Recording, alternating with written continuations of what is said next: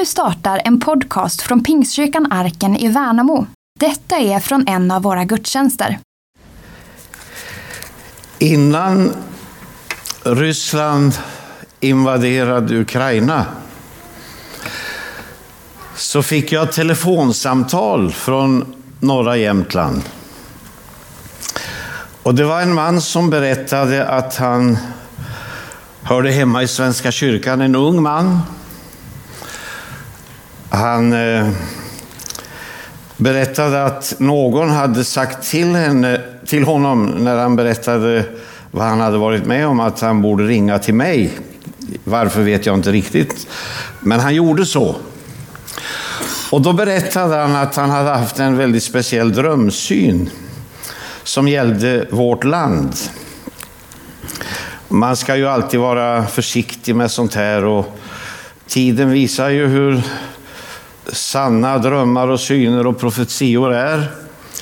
Men eh, han var väldigt seriös, lät trovärdig. Och då berättade han för mig det han hade fått se och varit med om. Då berättade han att han hade sett tre vågor av attacker mot vårt land. Eh, och han ser att eh, den första attacken riktades mot kraftverk och mot vår energiförsörjning. Han fick också se och hur det verkställdes i den andra attacken att eh, en IS-person, en högt utbildad militär med IS-bakgrund, eh, organiserade mycket av det här som, som skulle hända i Sverige. Han såg också att eh, i sista fasen skulle bli en omfattande blodsutgjutelse. Han berättade mer, men jag summerade lite. Jag blev väldigt berörd av det här. Och jag blev påmind om det igen nu, för när han berättade det här så var det innan kriget, som vi alla upplever så förfärligt, hade börjat. Så någonstans har ju trovärdigheten i hans eh, drömsyn och förutsägelser ökat i trovärdighet efter det som har hänt. Jeremia säger så här i kapitel 29. Jag vet vilka tankar jag har för er, säger Herren, nämligen fridens tankar och inte ofärdens för att ge er en framtid och ett hopp. Ni ska kalla på mig och komma och be till mig, jag ska höra er, ni ska söka mig och ni ska också finna mig om ni söker mig av hela ert hjärta. Jeremia 29. Gud sitter på tronen han har aldrig abdikerat, han kommer aldrig att abdikera. Han sitter och Jakob beskriver honom som eh, alltså idel goda gåvor, står det i 1917 års översättning, och fullkomliga gåvor kommer ifrån himlaljusens fader, hos vilken ingen växling av ljus eller mörker äger rum. Det uttrycket betyder att eh, det är hämtat från soluret och det är bara vid ett tillfälle när det inte är någon skugga på soluret och det är när, solen står i zenit. Och det, det är det som åsyftas. Himlaljusens fader. Gud står alltid i zenit. Han är alltid på toppen av sin förmåga. Han vet inte av några begränsningar. Han är fullkomlig. Och han har alltid haft allt under kontroll. Det han inte har haft under kontroll är ju att vår um, människans och mänsklighetens suveräna vilja att fatta beslut i olika sammanhang och, och, Det leder ju då till katastrofer på både det ena och det andra sättet. Det har ju Gud valt att lägga över ansvaret på oss. Men, men från hans sida så har han allt under kontroll. Nu talar man om röda linjer. Ni har hört det på nyheterna. Man borde sluta och se på nyheter, men jag klarar inte av det. Jag vill gärna följa med, men det är väldigt mycket negativt som vi får till livs. Kina säger att det finns liksom röda linjer, som om andra länder överträder så kan de räkna med repressalier och, och så vidare. Eh, Nato säger likadant. Röda linjer som man inte tillåter att andra och fiender passerar. Putin har sina röda linjer. Ni känner igen det här? Jag sa att Gud sitter på tronen. Men jag ställer mig frågan, vad finns det för röda linjer från ett gudomligt och himmelskt perspektiv? Som vi kanske har över, gått över, eh, passerat gränsen. Eh, var finns Gud i allt det som sker i vår värld? Och nu tänker jag på Sverige. Det finns ju en hel del saker som Bibeln talar om där vi alldeles uppenbart befinner oss på kollisionskurs med bibliska värderingar och hur Gud vill att det ska vara. Kjell Sjöberg, Stanley Sjöbergs bror, 1994 när lagen om partnerskap för homosexuella antogs så rev han sönder den kostym han hade på sig Eh, och bad, som han uttryckte det, i säck och aska. Det här är ju ett bibliskt sätt att hantera eh, svåra tider och, och svåra saker att hantera då. Jag funderar på om inte vi som kristna och som befolkning skulle ha klätt oss i säck och aska ganska många gånger med tanke på hur det ser ut och, och vad som eh, händer i vår värld. Jag, jag, tänker inte gå in på de här detaljerna nu, men, men ni vet ju hur eh, det som Paulus till Thessalonikerna säger att den laglöse ska framträda. Betydelsen av det ordet som syftar på Antikrist är ju att det ska bli lagligt att göra det olagliga. Och vi ser i det ena sammanhanget efter det andra hur det lagstiftas och fattas beslut om saker som är i direkt kollisionskurs med vad vi vet Gud vill. Petrus tar upp den här frågan i sitt andra brev. I andra kapitlet. Ni kan läsa det själva. Det är ingen uppbygglig läsning.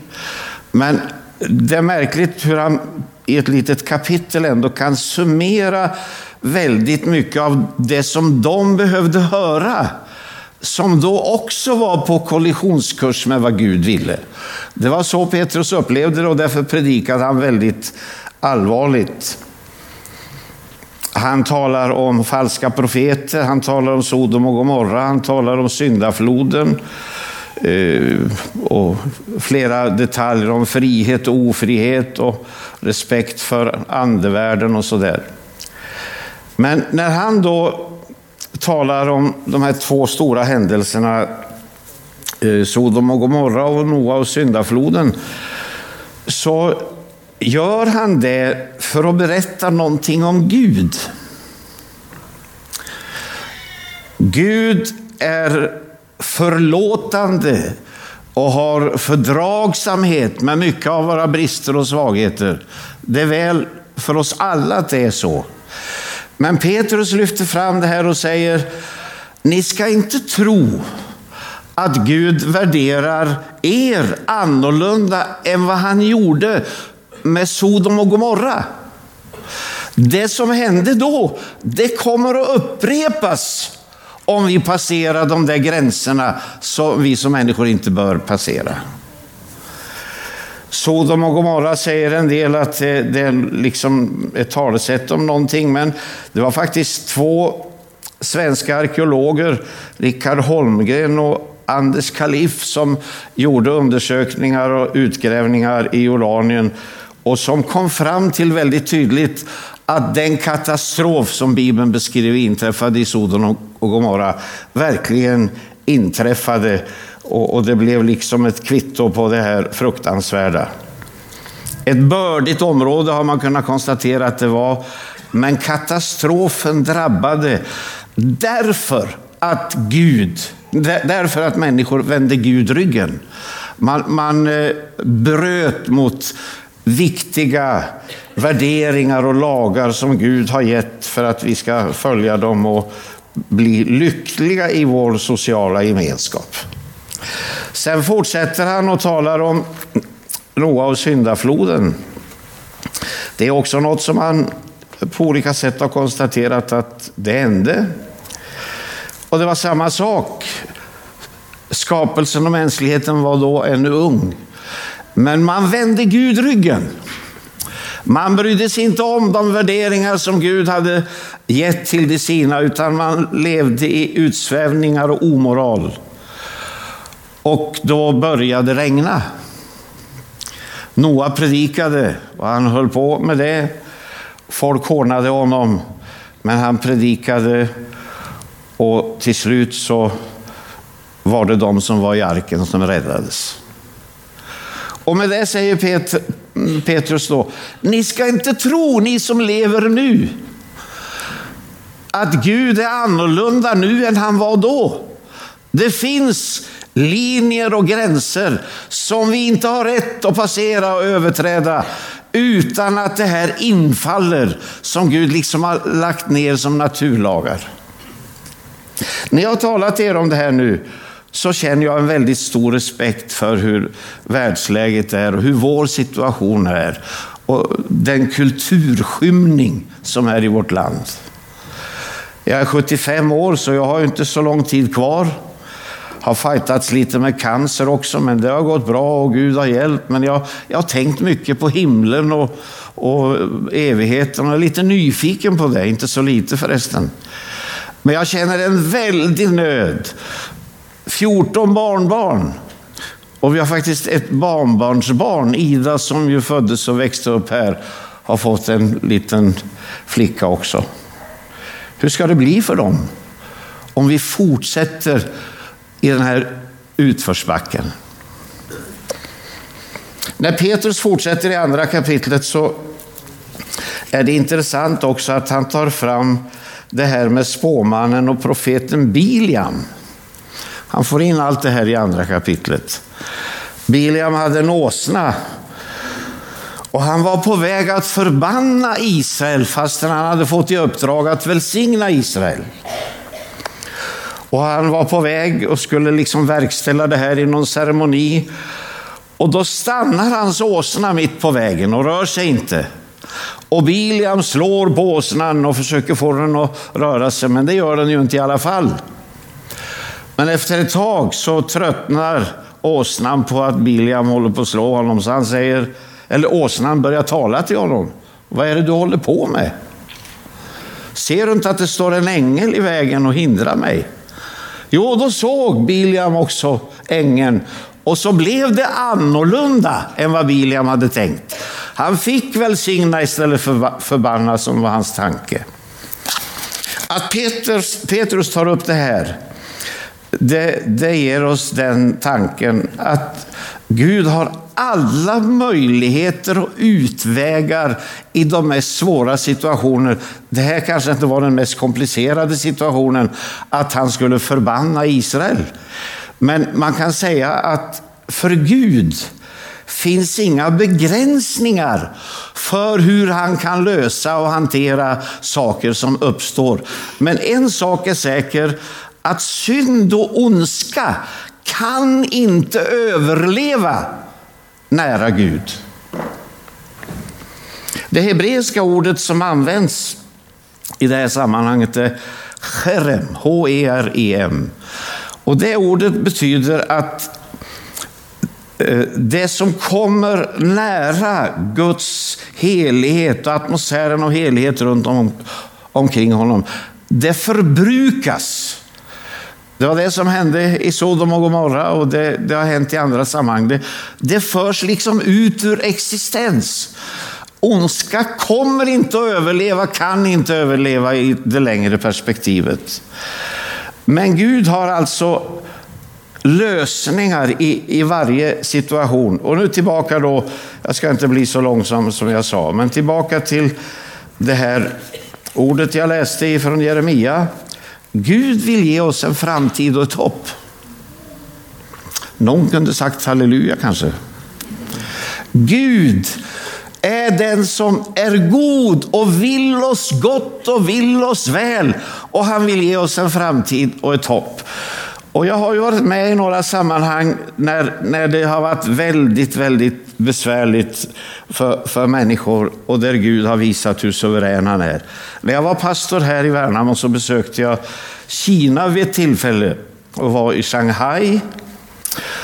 Och då var det arrangerat så vi skulle få möta en av de kinesiska ledarna för den underjordiska kyrkan. Det var väldigt rigorös planering och försiktighet och så där. Det var ett hotellrum som var bestämt att vi skulle mötas. Och vi gick då med en kvarts mellanrum, vi som skulle få vara med på det mötet, till hotellrummet och skulle kolla noga att ingen såg oss eller följde oss och så där. Så sitter vi i ett litet rum, en sex, sju personer var vi. Och då kommer sist då pastor Chen och berättar om sitt liv. Det ska jag inte göra nu, men han var en ledare som fick betyda väldigt mycket. Och, och han dömdes till 16 års fängelse på grund av att församlingen hade som framgång på platsen där han bodde. Och så berättar han att i fängelse så fick han i uppdrag att placera sig under, det var, det var ett jättestort fängelse med många tusen fångar, och så hade de sån här dass då, där, där man satt eh, samtidigt och, och väldigt många och, och, det blev ju massor med, med avföring då som skulle tas om hand. Och han fick den uppgiften att stå och skyffla där i, i, i människoträcket. Alltså det, jag kan inte tänka mig en värre uppgift. År efter år efter år. Och när han berättade det här så sa han, ni behöver inte tänka som ni tänker nu. För när jag var med om det där så hände någonting som jag inte kan förklara, men det är sant, sa han det jag säger. Och så sjöng han den här sången. Jag kom till hans lustgård allén. Och, och, och, den här vackra sången om ljuvlig natur och Guds närhet och sådär. Och jag kunde ju inte orden han eh, sa då, men jag kände ju igen melodin när han sjöng den. Vi grät, vi grät, för han sa varje arbetspass var det en verklighet för honom. Trots att omständigheterna var så fruktansvärda för honom så upplevde han alla 16 åren att Gud gjorde något annat utav det än vad de hade tänkt som straffade honom. Eh, jag skulle kunna berätta eh, mer av sådana här saker, men vi, vi har en unik uppgift i en tid då människor är så oroliga, pratar om framtid och, och vad som ska hända och, och, och hur det ska bli. Vi, vi har en unik uppgift att förmedla någonting som övergår allt det här av oro och fruktan som håller på att gaskrama en hel mänsklighet, också vårt land. Vi är bärare av någonting som kan göra all skillnad i människors liv. Förlåt att jag berättar om dig, Veronica, nu. Jag har inte bett om lov till det här, men hon jobbar tillsammans med en ungdomskamrat från Göteborg. Och en dag så kom de till henne, ungdomskamraten. Eh, de är flera då som jobbar där. Och så kom, Vad är det med Veronica? Kan du förklara för oss vad det är Veronica har? Jag känner henne och hon blir inte högfärdig för att jag säger det här. Men hon lever nära Jesus. Det märktes på jobbet. Så frågan ställdes, vad är det Veronica har? Jag vet inte vad de säger på ditt jobb. Och det är inte för att liksom analysera det, men jag säger vi har, vi har en unik chans när läget är som det är, att förmedla något positivt, framtidstro, hopp för evigheten till vår samtid. Det är allvarligt att Guds bud överträds som de gör. Det är allvarligt att det aborteras 36-38 000 foster varje år i Sverige. Jag hade själavård med en kvinna som hade tagit abort häromveckan. Så jag är verkligen inte ute för att göra det sämre för den som har haft det svårt. Jag vet att det finns mängder med bakomliggande faktorer och vi ska, vi ska vara barmhärtiga mot varandra. Men 38 000 under den tid som eh, sen eh, den här abortlagstiftningen antogs så har en stad i Stockholms storlek aldrig blivit till. Vilka stjärnor och konstnärer och eh, forskare som liksom aldrig fick tillfälle att göra en insats för mänskligheten som bara försvann. Vi ska möta dem i himlen. Men allt det här, det gör att det är allvarligt. Vi är, vid, vi är vid gränsen. Gud kommer inte att kunna tolerera att vårt samhälle med de värderingar vi har består. Men han kommer att hjälpa oss om vi bara öppnar våra sinnen för vad han tänker och vill. Han kommer att använda oss så att den korta, möjligen lite längre tid vi har kvar, vi vet ju inte det, men den tid vi har kvar så ska vi få vara med och vinna många människor för Guds rike. Värnamo behöver väckelse. Härjedalen behöver väckelse. Vårt land behöver få vara med om något nytt.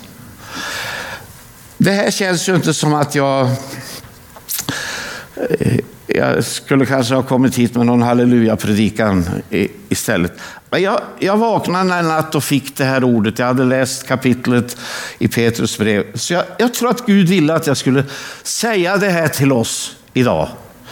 Ta det till ditt hjärta och fundera över hur du på ett bättre sätt ska kunna vara den kanal för vad Gud vill i denna svåra tid. Det, det är ett underbart meningsfyllt liv vi har framför oss om vi låter Guds rikets värderingar få prägla oss. Nu ber vi.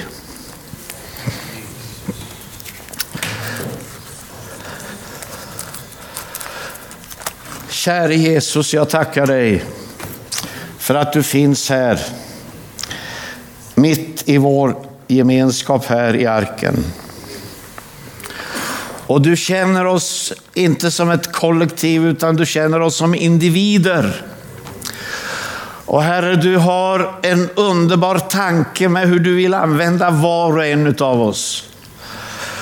Jesus, jag prisar dig för att du vill komma över oss med den heliga Ande, för att du vill utrusta oss och ge oss den frimodighet vi behöver för att kunna samtala med människor som vi möter och de som vi lever tillsammans med i vår vardag.